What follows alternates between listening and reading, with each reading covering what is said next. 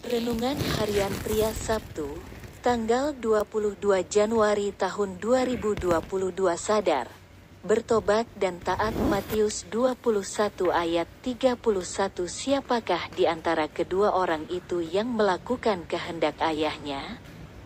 Jawab mereka, yang terakhir, kata Yesus kepada mereka, Aku berkata kepadamu, Sesungguhnya pemungut-pemungut cukai dan perempuan-perempuan sundal akan mendahului kamu masuk ke dalam kerajaan Allah.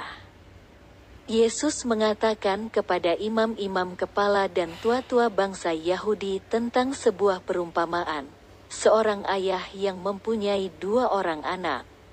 Anak pertama, ketika disuruh, ia mengatakan ya tetapi tidak melakukannya.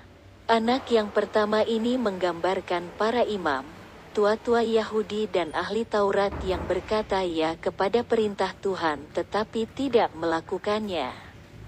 Sedangkan anak kedua menggambarkan para pemungut cukai dan perempuan sundal yang berkata tidak kepada perintah Tuhan, tetapi sadar, bertobat dan taat. Dan anak yang kedua adalah anak yang melakukan kehendak ayahnya.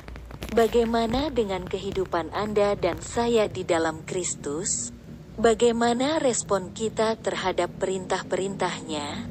Apakah kita termasuk jenis anak yang pertama, yang berkata ya tapi tidak mentaatinya? Atau kita termasuk jenis anak yang kedua, yang berkata tidak, tapi segera sadar, bertobat dan mentaatinya? Tuhan mau Anda dan saya menjadi anak-anaknya yang berkata ya terhadap perintahnya dan mentaatinya. Marilah kita belajar menjadi anak-anaknya yang berkata ya dan mentaatinya. Tentunya kita harus selalu mengandalkan kekuatan dan pertolongan roh kudus. Menjadi anak-anaknya yang selalu taat kepadanya. Refleksi diri, apa yang firman Tuhan katakan kepada Anda? Bagaimana kehidupan Anda dengan firman Tuhan itu? Catat komitmen Anda terhadap firman Tuhan itu. Doakan komitmen Anda itu, pengakuan imanku. Dengan pertolongan Tuhan saya mempraktekkan sikap yang taat kepada Tuhan dan perintah-perintahnya.